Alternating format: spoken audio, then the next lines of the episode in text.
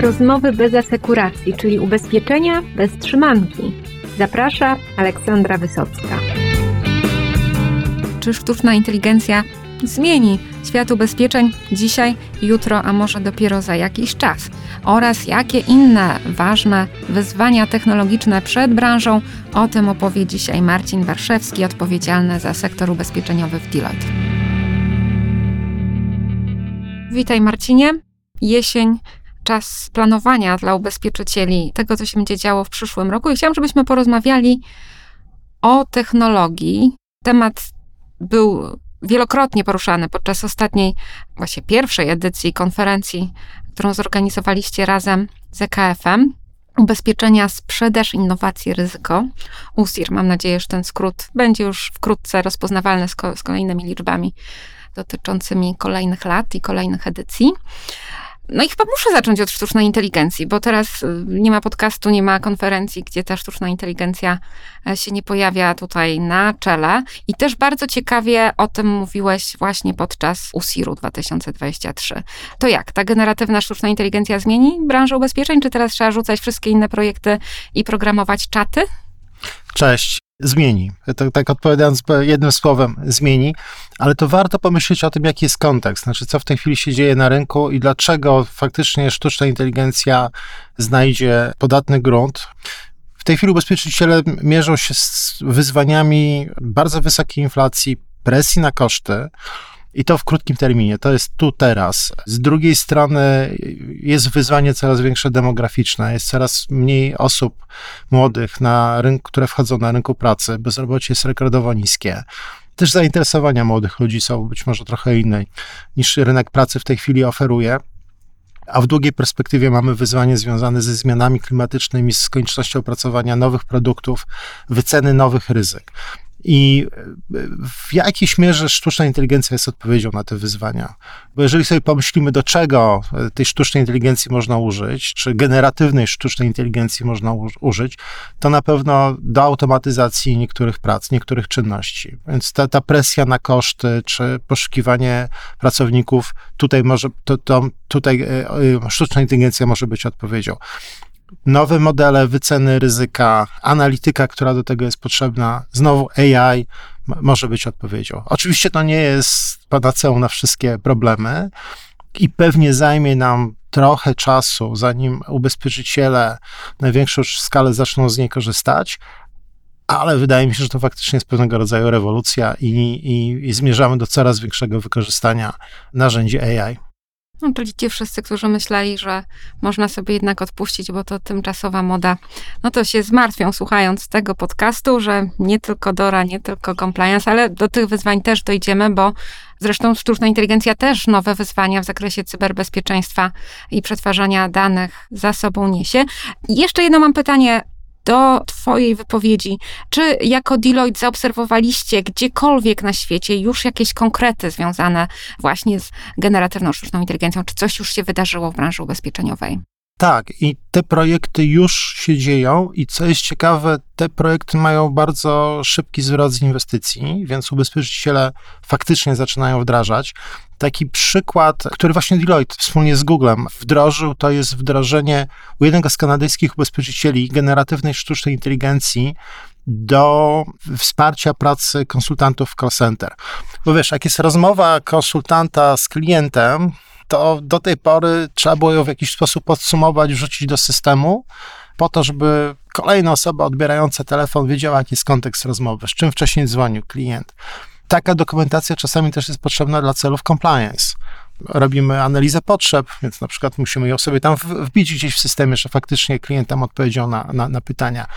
I teraz połączenie narzędzi takich jak transkrypcja rozmów w czasie rzeczywistym, z generatywną sztuczną inteligencją, która potrafi dokonać podsumowania takiej rozmowy, powoduje, że zaoszczędzamy bardzo dużo czasu w trakcie tej rozmowy konsultanta na podsumowanie rozmowy.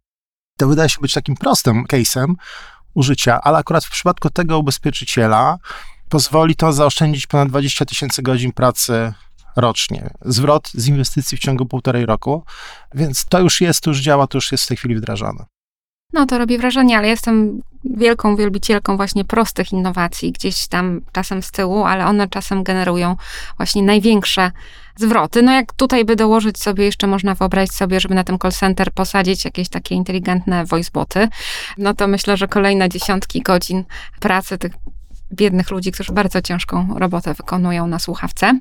Jeszcze by dołożyć rozpoznawanie emocji, dostosowywanie, prawda, komunikacji do konkretnego rozmówcy, co też już e, się powoli wydarza, no to robi się wesoło. No i też widzę przestrzeń do robienia inteligentnych notatek, łącznie z zadaniami do wykonania z wszystkich tych spotkań, które w ubezpieczeniowych firmach się odbywają. No a sami wiemy, że jest, są ich dziesiątki, setki tysięcy, nie wiem ile, jak patrzeć nawet na te nasze polskie zakłady, to jeżeli z każdych byłyby automatycznie robione notatki i przydzielane zadania do tego, co ktoś się zobowiązał i co kto planuje, to myślę, że kolejne setki tysięcy godzin są jest oczywiście ryzyko, że tych zadań byłoby tak dużo, że nikt by ich nie wykonywał, bo e, też pewną umiejętnością ludzkiego mózgu jest zapominanie o niektórych rzeczach, tych mniej ważnych. Jest takie ryzyko, że wdrożenie sztucznej inteligencji spowoduje, że będziemy mieć tej roboty więcej niż faktycznie niż, niż mamy. Ale to to anegdota. Anegdota, no zobaczymy, będziemy się, myślę, uczyć siebie nawzajem, tak? Bo przecież sztuczna inteligencja uczy się na nas, więc może się nauczy i prokrastynacji oraz takich deklaracji na wyrost. No ale wracajmy do tego, co stoi przed polskimi ubezpieczycielami, jeżeli chodzi o technologię, bo to nie tylko generatywna sztuczna inteligencja.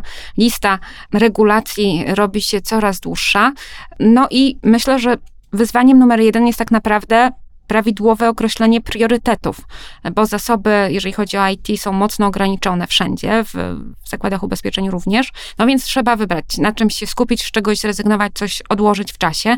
Więc Marcinie, na czym się skupić tutaj na przełomie 2023, a tak naprawdę już w 2024 roku, żeby w tej rywalizacji pójść do przodu? Tematów compliance nie można zignorować. To, to jest rzecz, którą trzeba wdrożyć. One zawsze się wydarzają. Ktoś ostatnio zauważył, to są jedyne projekty, które też e, są zawsze na czas. Problemem jest takim, że te projekty compliance czy regulacyjne zajmują bardzo dużo zasobów. I to też jest jedna z przyczyn postępującej konsolidacji rynku. Dla mniejszych graczy to obciążenie tymi projektami regulacyjnymi jest tak duże, że nie zostaje zbyt dużo miejsca na, na innowacje, na wdrażanie nowych rozwiązań technologicznych. Tutaj na pewno przewagę mają duzi gracze którzy mogą sobie pozwolić na jednocześnie na, na prowadzenie projektów compliance i innowacje. ja myślę, że to jest też ważne, że, że w budżetach tych dużych firm to miejsce na innowacje jest, jest coraz większe. Rozmawiając z szefami zakładów ubezpieczeń, widzę, że temat innowacji jest bardzo ważny. Niektórzy powołują nawet specjalne stanowiska umocowane gdzieś w zarządzie, czy zarząd minus jeden, osób, które mają właśnie o to dbać, o to, żeby na agendzie prac czy, czy projektów znajdowały się też projekty innowacyjne, żeby o nich nie, nie, nie zapominać. I na pewno sztuczna inteligencja czy tematy wokół Gen AI już lądują na agendzie i na takim backlogu prac na przyszłe i kolejne lata.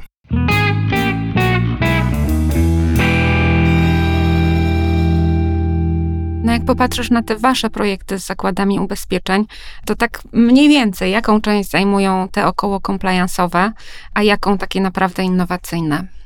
A ja myślę, że to jest jakiś 50-50, to znaczy 50% czasu to, jest, to, są, to, to są jednak projekty, które są wokół regulacji. Na ostatnie 2-3 lata to IFRS 17. Nie jesteśmy przy kamerze, ale tu Państwo nie widzą, jak, jak, jak, jaką minę zrobiliśmy, mówiąc. Ale to jest mniej więcej taki podział. To jest 50% do 50% czasu, które są spędzane pomiędzy tematami regulacyjnymi czy compliance'owymi, a tematami, które są nowe, które są skierowane bardziej na rozwój nowych produktów czy na rozwój biznesu. Ale to mnie pozytywnie zaskoczyłeś. Ja myślałam, że będzie jakieś 70-80 na rzecz compliance'u. Być może jeżeli by mierzyć współczynnik narzekania ubezpieczycieli na różne wyzwania, z którymi się zmagają, to tam rzeczywiście compliance, znaczy narzekania jak narzekania, po prostu no, złożoności tych projektów, które no, no, są bardzo, bardzo już teraz wszechogarniające. To nie jest tylko samo IT, ale tak naprawdę wszystkie chyba obszary organizacji, jeżeli chodzi czy o bezpieczeństwo danych, prawda, czy o zgodność z różnymi wytycznymi dystrybucyjnymi albo dotyczącymi ESG, bo to też teraz już się zbliża no to dotyczy tak naprawdę bardzo wielu obszarów. No ale tutaj być może są też jakieś korzyści w związku z tym, że muszą się zbierać takie grona decydentów, które bez tych wymagań compliance'owych być może nigdy by albo nie w tym czasie by razem nie miały okazji do współpracy i porozmawiania o biznesie. Znaczy, na pewno tematy compliance'owe też pomagają, dobrze wdrażane, pomagają uporządkować biznes i trochę go pchnąć na inne tory, tak? Znaczy, za, zawsze to jest pewna okazja, żeby zastanowić się, czy na przykład, czy potrzebujemy 140 produktów, teraz musimy zapewnić ich zgodność, tak? Może to jest dobra okazja do tego, żeby ten portfel produktowy trochę odchudzić na przykład, tak? Więc mądrze prowadzone projekty compliance'owe nie służą tylko temu, żeby spełnić regulacje, ale też pozwalają zbudować istotną wartość w biznesie tak jak IFRS 17, tak on też pozwala na lepsze zarządzanie firmą, czy lepsze planowanie, więc w tych projektach też jest tak duża wartość biznesowa, w dobrze prowadzonych projektach compliance'owych. Tu nie wskazywać palcami, ale widać, że są nawet firmy, które zostały zainspirowane do tego, żeby łączyć spółki, bo pewnie compliance'owo będzie znacznie prościej jednej czy dwóm, a nie pięciu, dajmy na to. No to jest to, co ja mówiłem o konsolidacji, że, że na pewno je, to nie jest oczywiście e, kluczowy powód, są inne, inne też powody, ale jest to jeden z powodów, dla, dla których ta konsolidacja ma miejsce. Ale jak rzeczywiście obliczyć, czy te same działy prawne, czy nawet konsultantów, ale też zasoby IT, które mają, dajmy na to, te pięć spółek obsługiwać, a mogą obsługiwać jedną, no to tutaj się już robi rzeczywista oszczędność. No zobaczymy, czyli e, tak już e, kończąc powoli naszą rozmowę, czy jeszcze masz może jakieś ciekawe wdrożenie, takie, które mogłoby zainspirować z dowolnej dziedziny ubezpieczeń powiązane z innowacyjnością szeroko pojętą, czy coś zaobserwowaliście, czym warto by się z rynkiem podzielić? Myślę, że temat zdrowia jest bardzo ciekawym obszarem, w którym ubezpieczyciele teraz próbują znaleźć swoje miejsce szerzej niż tylko ubezpieczenia zdrowotne, tak? czyli tematy związane z well-being, czy tematy związane ze zdrowiem psychicznym.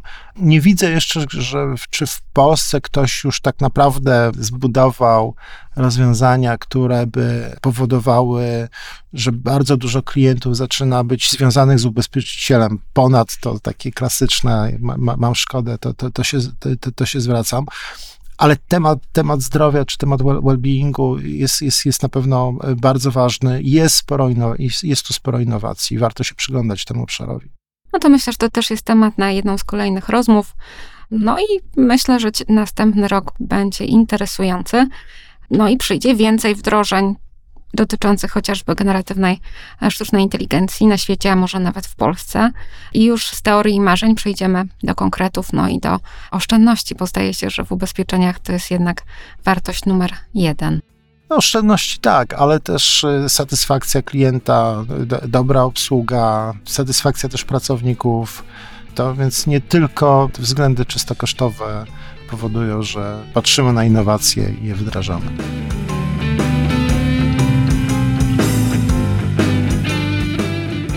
Dziękuję za dzisiejsze spotkanie. No i mam nadzieję, że również w podcaście ubezpieczeniowym rozmowy bez asekuracji w przyszłym roku będzie więcej o innowacjach niż o regulacjach.